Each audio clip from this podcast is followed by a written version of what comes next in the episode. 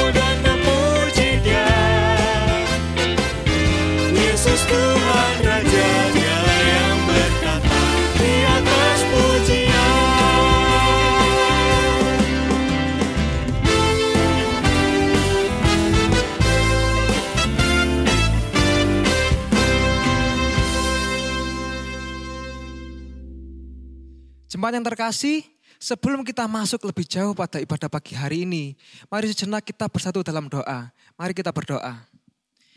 Tuhan Yesus, terima kasih Tuhan, Engkau telah kembali mempertemukan kami pada ibadah tahun baru ini. Biarpun masih dalam masa pandemi dan belum dapat melakukan ibadah di gereja. Sebentar Tuhan, kami akan memulai ibadah pagi ini. Kami mohon berkat, kemuliaan-Mu, agar ibadah ini dapat berjalan dengan lancar. Terima kasih Tuhan, doa ini hanya kami serahkan ke dalam tangan-Mu saja. Haleluya, amin. Saat ini adalah ibadah pertama kita di awal tahun 2021. Ya benar sekali Mas Fran. Sungguh berkat yang sangat luar biasa yang datang dari Tuhan sehingga kita dapat melalui di tahun 2020 kemarin dengan baik dan Luar biasa tentunya. Dan untuk lebih menghangatkan suasana kita di tengah-tengah keluarga di awal tahun baru ini, Mari kita memberikan salam damai kepada saudara kita yang di rumah. Seperti apa contohnya? Seperti ini. Mas Fran, selamat tahun baru. selamat tahun baru Abner. Tuhan Yesus memberkati. Tuhan Yesus memberkati juga. Kami persilakan untuk Bapak Ibu Saudara untuk memberikan salam damai kepada orang yang mungkin ada di sebelah saudara.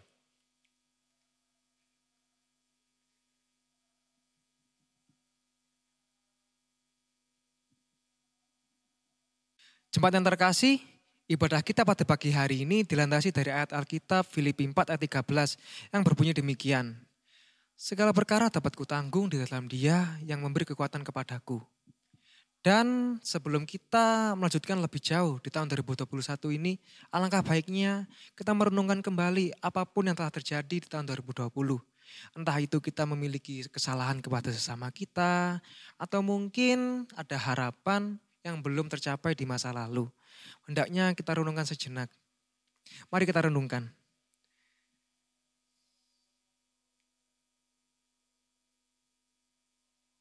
Selanjutnya, mari kita membuka Alkitab kita dari Matius 22 ayat 39 yang berbunyi demikian. Dan hukum yang kedua yang sama dengan itu ialah, kasihilah sesamamu manusia seperti dirimu sendiri. Kita diingatkan kembali oleh Tuhan untuk saling mengasihi sesama kita, terutama di dalam keluarga kita. Untuk lebih merasakan cinta kasih Tuhan di tengah-tengah keluarga kita, kita akan memberikan salam kasih kepada sesama kita. Seperti apa contohnya? Seperti ini. Aku mengasihi Mas Fran. Aku mengasihimu Abner. Iya. Mungkin harapannya tahun yang baru ini kita boleh lebih mengasihi sesama kita atau mungkin kita boleh juga untuk menjadi berkat buat sesama kita yang lain ya, Mas Fran. Ya, amin. Sebelum kita menerima berkat rohani yang datangnya dari Tuhan, Mari kita menyanyikan lagu dari NKB nomor 13 ayat 1 dan 2. Oh Allahku, jenguklah diriku. Dan akan dilanjutkan pewartaan firman Tuhan oleh Bapak Pendeta kita yang terkasih, Bapak Pendeta Legal Hindriawan.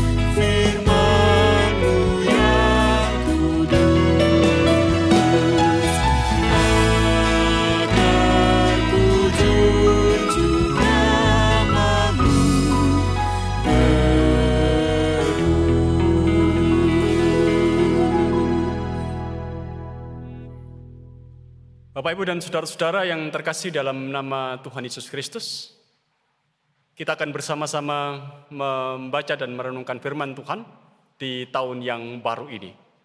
Oleh karena itu, mari kita mengawalinya di dalam doa, supaya Allah sendiri berkarya di dalam kita akan membaca dan merenungkan firman-Nya. Mari bersama kita berdoa. Ya Allah Roh Kudus, pada saat ini kami hadir di hadirat-Mu. Bersama dengan umat-Mu, kami akan belajar untuk membaca dan merenungkan apa yang menjadi firman-Mu, ya Allah. Terangilah mata hati, pikiran dan jiwa kami, supaya hanya karena terang yang dari Engkau, kami akan dimampukan untuk mengerti apa yang menjadi kehendak-Mu. Kami mengerti apa yang Engkau inginkan atas kehidupan kami. Terutama ketika kami menapaki kehidupan yang baru di tahun yang baru ini. Engkau sebagai Allah kami yang akan memimpin kami. Kami yang ada dalam keterbatasan, mohon hikmat yang berasal dari Engkau. Supaya sungguh-sungguh apa yang boleh kami dengar pada saat ini akan berbuah di dalam kehidupan kami dan akan kembali kepada Engkau dengan tidak sia-sia.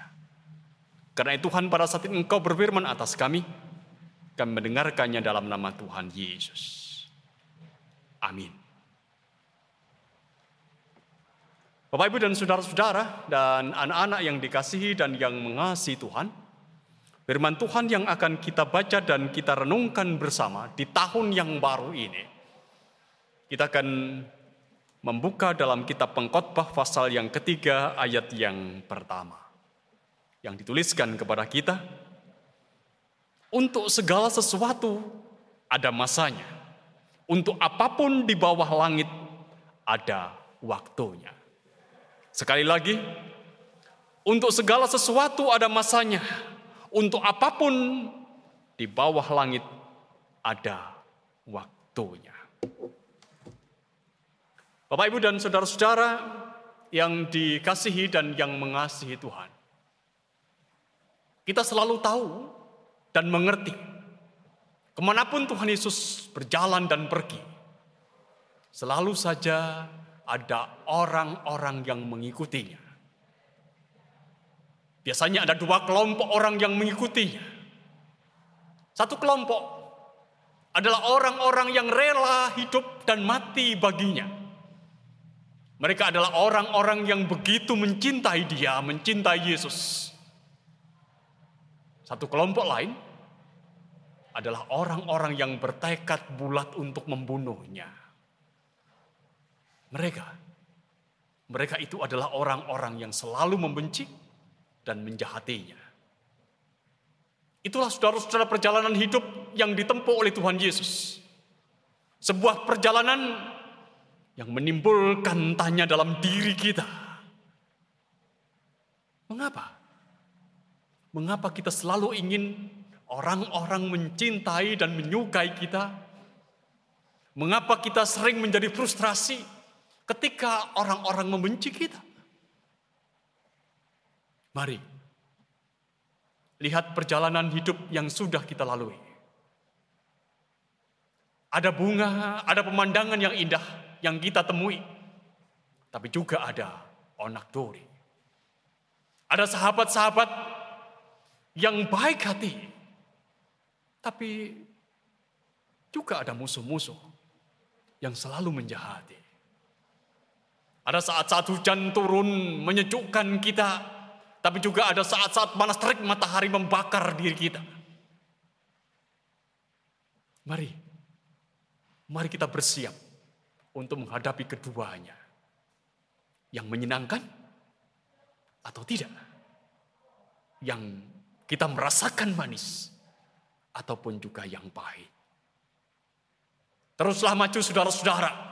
Pastikan setiap langkah kita itu seirama dengan langkah Tuhan yang mendampingi kita. Jangan membuang-buang waktu untuk berhenti atau malah pergi ke sana kemari untuk mendapatkan puji. Dan jika kita merasa dibawa masuk ke dalam pencobaan dan ditenggelamkan dalam pergumulan, renungkanlah dan pikirkanlah apa arti penderitaan kita dibandingkan dengan kemuliaan sorga yang Tuhan Allah janjikan untuk kita. Inilah saudara-saudara sesungguhnya jalan Allah. Berbahagialah yang miskin, yang meratap, yang menderita aniaya, karena kerajaan Allah menjadi miliknya. Oleh karena itu, saudara-saudariku, jangan mengeluh karena orang lain tidak berterima kasih kepada kita. Bukankah memang kita melakukan perbuatan baik? Itu bukan supaya orang lain itu berterima kasih kepada kita. Jangan mengeluh dengan orang-orang yang memusuhi, menentang, atau bahkan menghancurkan hidup kita. Sadarlah bahwa keluhan itu menghalangi karya baik kita. Apa kita lupa saudara-saudara? Pengajaran Tuhan Yesus tentang lalang di antara gandum. Bukankah keduanya saudara-saudara? Keduanya itu dibiarkan tumbuh bersama-sama di dalam ladang dunia milik Tuhan itu. Maka percayalah saudara-saudara, gandum dari karya baik kita di tahun 2020 itu akan tetap terus bertumbuh Meski ada rintangan, ada tantangan dari pertumbuhan lalang. Tunggulah waktu Tuhan. Segala sesuatu ada masanya. Ada waktu menanam, ada waktu untuk mencabut yang ditanam. Jangan pula kita mengeluh saudara-saudara ketika mendapati kegiatan kita dibatasi atau terbatasi oleh pandemi atau orang-orang yang benci, yang musuhi dari semua sisi kehidupan kita. Sekali lagi, ingatlah, segala sesuatu ada masanya. Setiap ranting yang menghasilkan banyak buah, ia membersihkannya supaya menghasilkan lebih banyak buah. Ranting yang hijau akan berkuncup dan berbunga. Ia akan menghasilkan buah berlimpah. Saudara-saudara, mari renungkan kembali perjalanan pelayanan dan hidup Tuhan Yesus. ketika ia berada di puncak pergumulan salib, ia berdoa di Getsemani. Lihatlah, ia mengajak serta orang-orang terdekatnya. Ia mengajak Petrus, ia mengajak Yakobus, ia mengajak Yohanes. Supaya apa saudara-saudara? Supaya mereka juga turut mengecap pergumulan dan derita yang harus ditanggung. Nah, pertanyaannya saudara-saudara, apa kita takut menjadi salah satu dari ketiga sahabat Yesus itu? Diajak untuk mengecap derita dan pergumulan yang sesungguhnya. Takutkah kita saudara-saudara? Saudara-saudariku yang terkasih di dalam Tuhan, jika dalam hidup ini kita selalu ingin menghindari pergumulan dan penderitaan, jangan pernah berharap, sekali lagi jangan pernah berharap bahwa kita akan menghasilkan banyak buah. Sering Allah menggunakan penderitaan yang kita alami itu untuk mengajar dan mendidik kita supaya kita mengerti dan mau berbela rasa terhadap penderitaan orang lain di sekitar kita. Seperti yang Tuhan Yesus sendiri sudah lakukan dan ketika ia berdoa untuk umat manusia dengan ratap tangisnya. Saudara-saudaraku, jika kita merasa menjadi orang yang paling menderita. Karena kita menderita di tengah-tengah orang-orang yang seharusnya mengerti dan bersimpati pada kita. Orang-orang yang memang seharusnya tahu kewajibannya untuk membela kita. Atau kita marah dengan sebuah peristiwa yang menghancurkan hati dan hidup kita dan kemudian kita menggugat. Di mana keadilan Tuhan? Benarkah Tuhan itu adil? Mari Mari saudaraku, renungkanlah. Apa dosa yang sudah dilakukan oleh Yesus sehingga ia pantas menderita di kayu salib? Apa kita mengira dia diperlakukan adil? Bunga mawar, bunga melati, bunga bakung itu akan menjadi indah, harum, dan menarik selama humus memberi mereka makan. Daun yang jatuh dan terurai saudara-saudara. Senantiasa membantunya untuk menghasilkan warna, menghasilkan keindahan dan keharuman. Demikian juga karya dan pelayanan kita kepada Allah akan tetap terpelihara dengan baik. Ketika penderitaan, disemangati cinta itu ada dalam diri kita. Sadarilah saudara-saudariku, Pencobaan dan penderitaan yang kita alami adalah izinan Tuhan. Supaya kita mengikuti dan menikmati kebahagiaan bersama dengan dia. Tuhan Yesus bersabda saudara-saudara, setiap orang yang mau mengikut aku, ia harus menyangkal dirinya, memikul salibnya dan mengikut aku. Saudara-saudara, tahun 2020 telah berlalu. Perjalanan waktu yang telah kita lalui bersama mengajarkan kepada kita tetap untuk hidup dalam cinta dan semangat melayani Tuhan di tengah berbagai macam pencobaan dan penderitaan. Yesus Tuhan kita saudara-saudara telah mengalaminya. Dan di tahun 2021 yang kita bersama telah dikunjunginya saat ini saudara-saudara. Kita tetap berharap bisa tetap mampu berkarya bagi dia, bagi kebesarannya. Pergumulan dan penderitaan adalah pengalaman pahit jika diterima dengan ketakutan dan kegentaran. Tetapi akan menjadi pengalaman yang manis dan menyenangkan bila diterima dengan berani bersama dengan Tuhan Yesus Juru Selamat kita. Selama tahun baru, tahun 2021, saudara-saudariku, beranilah hidup. Beranilah menghadapi derita dan perkumulan bersama dengan dia Tuhan kita.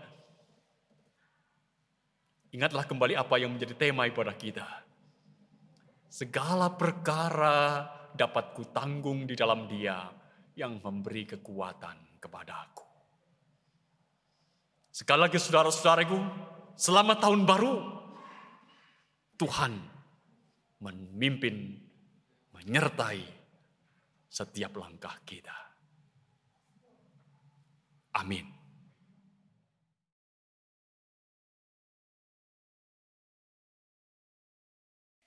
Jemaat yang terkasih, untuk merespon firman Tuhan yang telah disampaikan, mari kita menyanyikan sebuah lagu. Tuhan adalah gembalaku.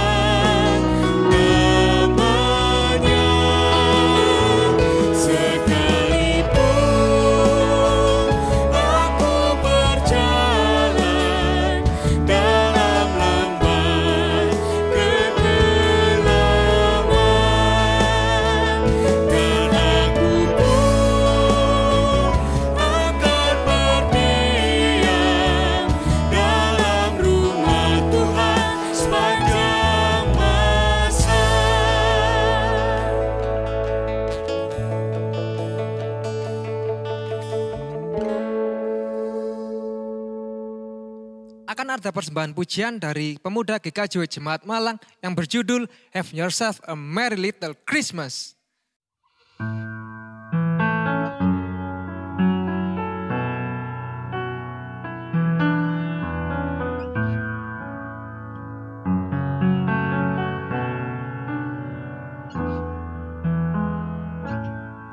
Have yourself a merry little Christmas. Let your heart be light.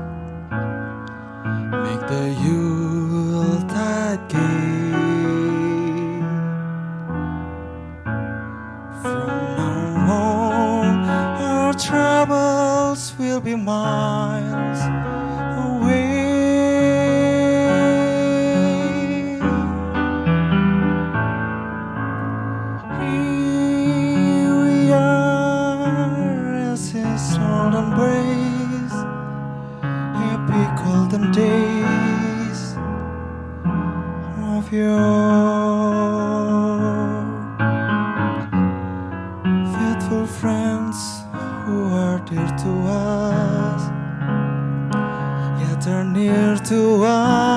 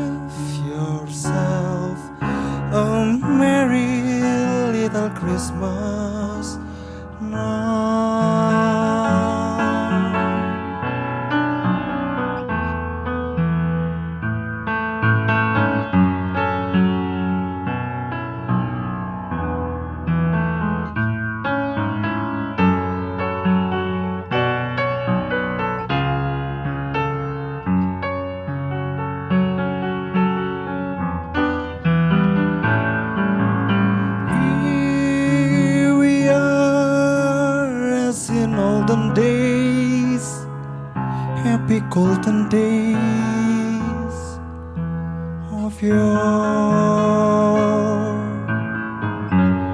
Faithful friends who are dear to us, gather near to us once more.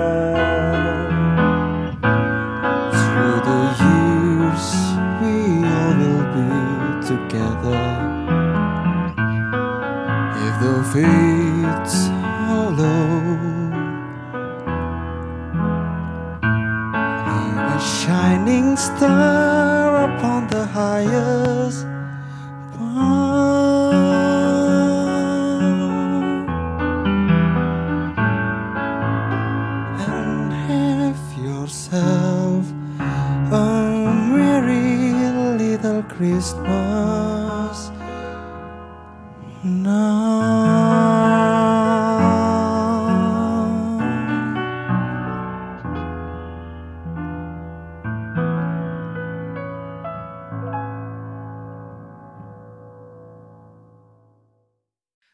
buat saudara kita yang terkasih saudara Arya.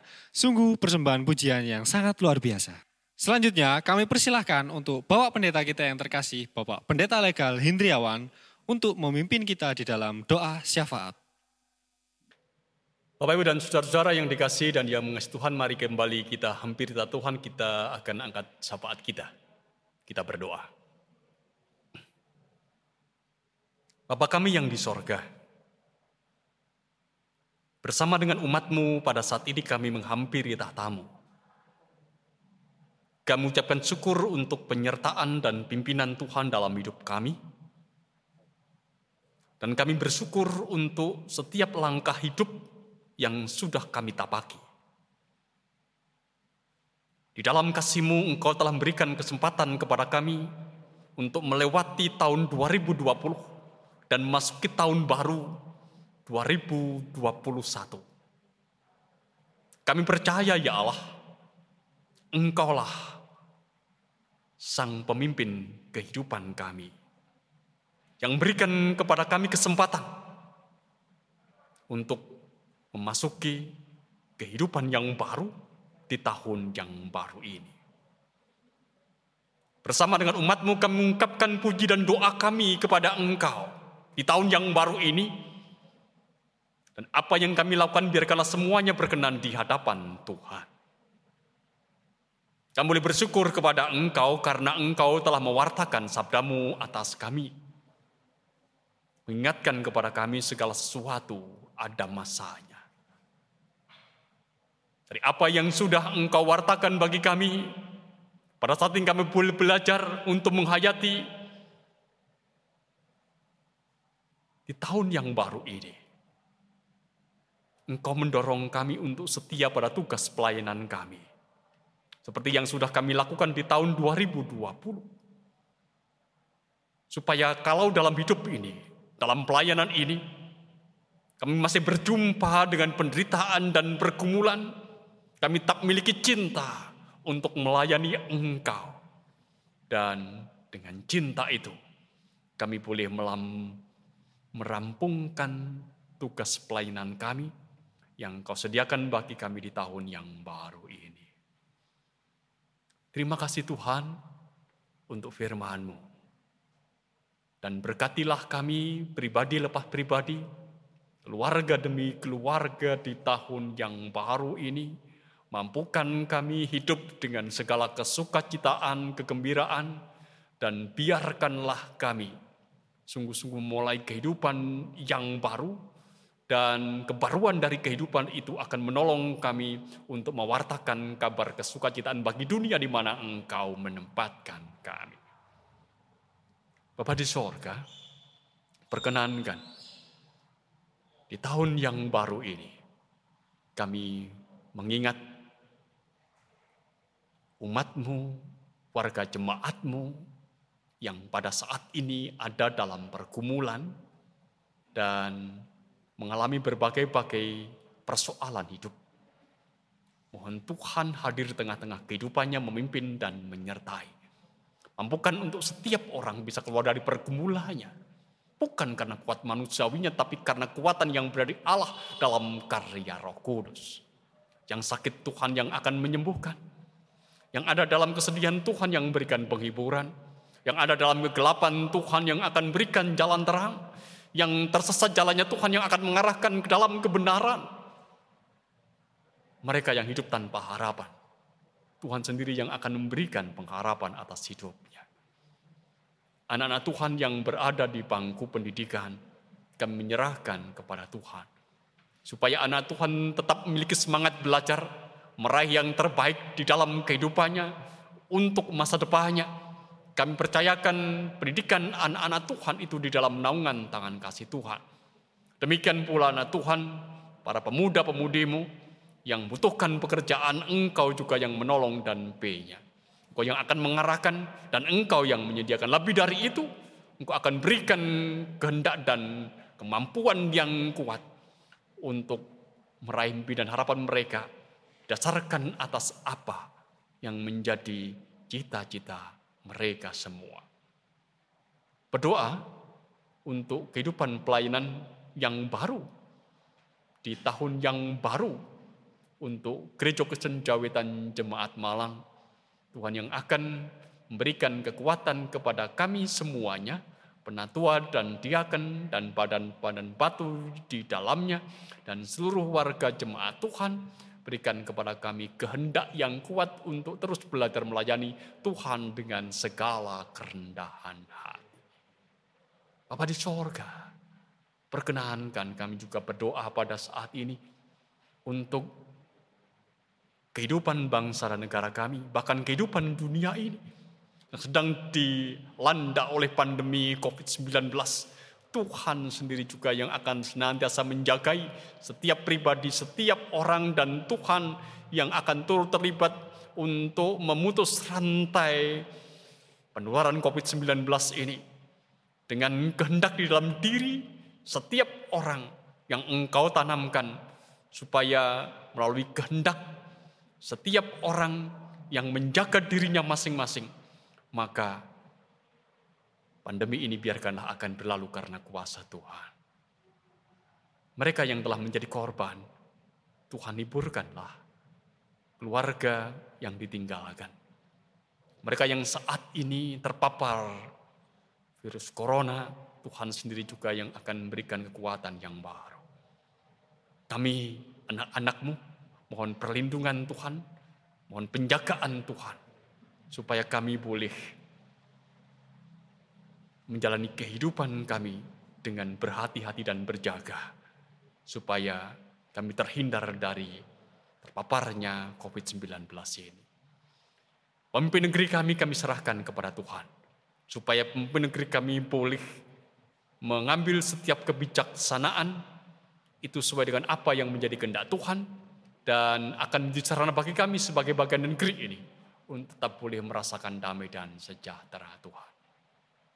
Bapa di sorga, ajarilah kami untuk selanjutnya hidup dalam pengharapan dan kerendahan hati. Mampukan kami, umatmu ini untuk saling menolong dan peka terhadap lingkungan di mana engkau menempatkan kami. Supaya di tahun yang baru ini, kami boleh hidup dalam suasana baru, dalam hati yang baru, kehendak yang baru, dan langkah yang baru. Dia mengungkapkan doa kami dalam nama Tuhan Yesus yang telah mengajarkan kepada kami berdoa. Apa kami yang di sorga, dikuduskanlah namamu, datanglah kerajaanmu, jadilah kehendakmu di bumi seperti di sorga. Berikanlah kami pada hari ini makanan kami yang secukupnya, dan ampunilah kami akan kesalahan kami, seperti kami juga telah mengampuni orang yang bersalah kepada kami. Dan janganlah membawa kami dalam pencobaan, tapi lepaskanlah kami daripada yang jahat, karena engkaulah yang punya kerajaan dan kuasa dan kemuliaan sampai selama-lamanya. Amin. Jemaat yang terkasih, sudah saatnya kita untuk memberikan persembahan syukur kepada Tuhan karena luar biasa dan baiknya Tuhan kepada kita. Seperti pada ayat Alkitab 1 Tawarik 16 ayat 29 yang berbunyi demikian. Berilah kepada Tuhan kemuliaan namanya, bawalah persembahan dan masuklah menghadap dia.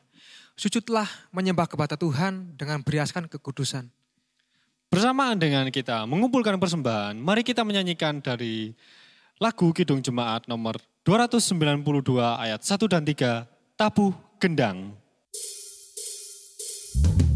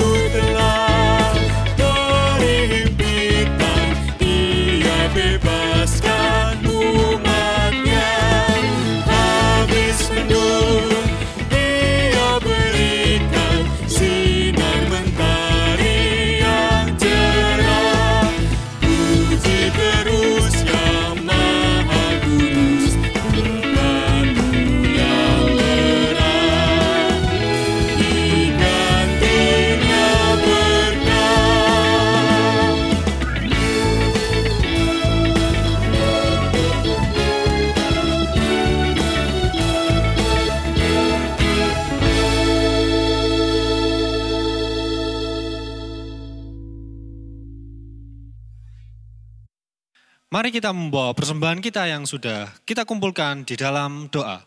Mari kita berdoa. Ya Tuhan, terima kasih atas penyertaan-Mu yang tak henti-hentinya Kau curahkan kepada kami.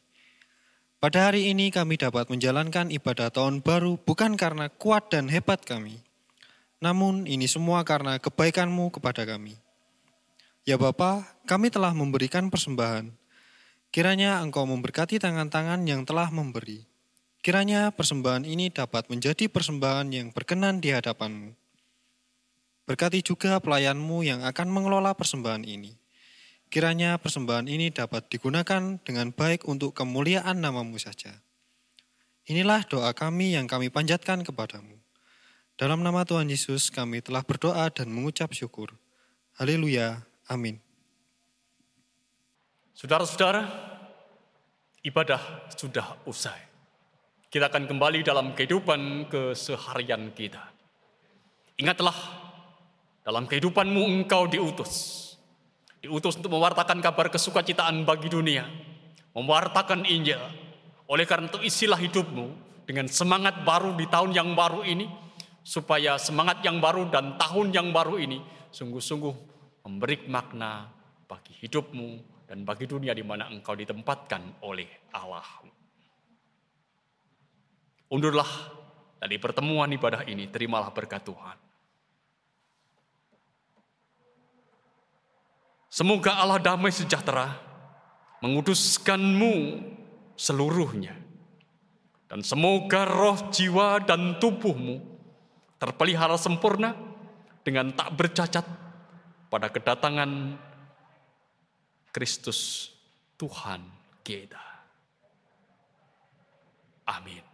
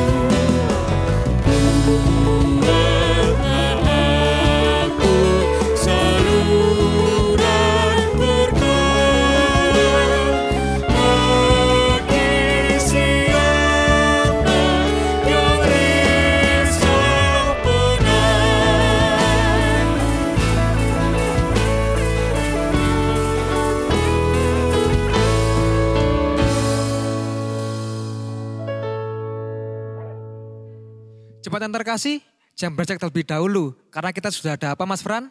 Kita sudah menyiapkan game yang sangat seru yang ada di Description box di bawah ini. dan tentunya akan ada bingkisan Natal dan Tahun Baru bagi Bapak Ibu dan Saudara yang Telah menjawab dengan antusias dan tentunya dengan jawaban yang menarik. jadi jangan lupa untuk diisi. Yang terakhir dari kami berdua, saya Franz. Dan saya Abner, kami ucapkan Selamat Tahun Baru 2021. Tuhan Yesus memberkati.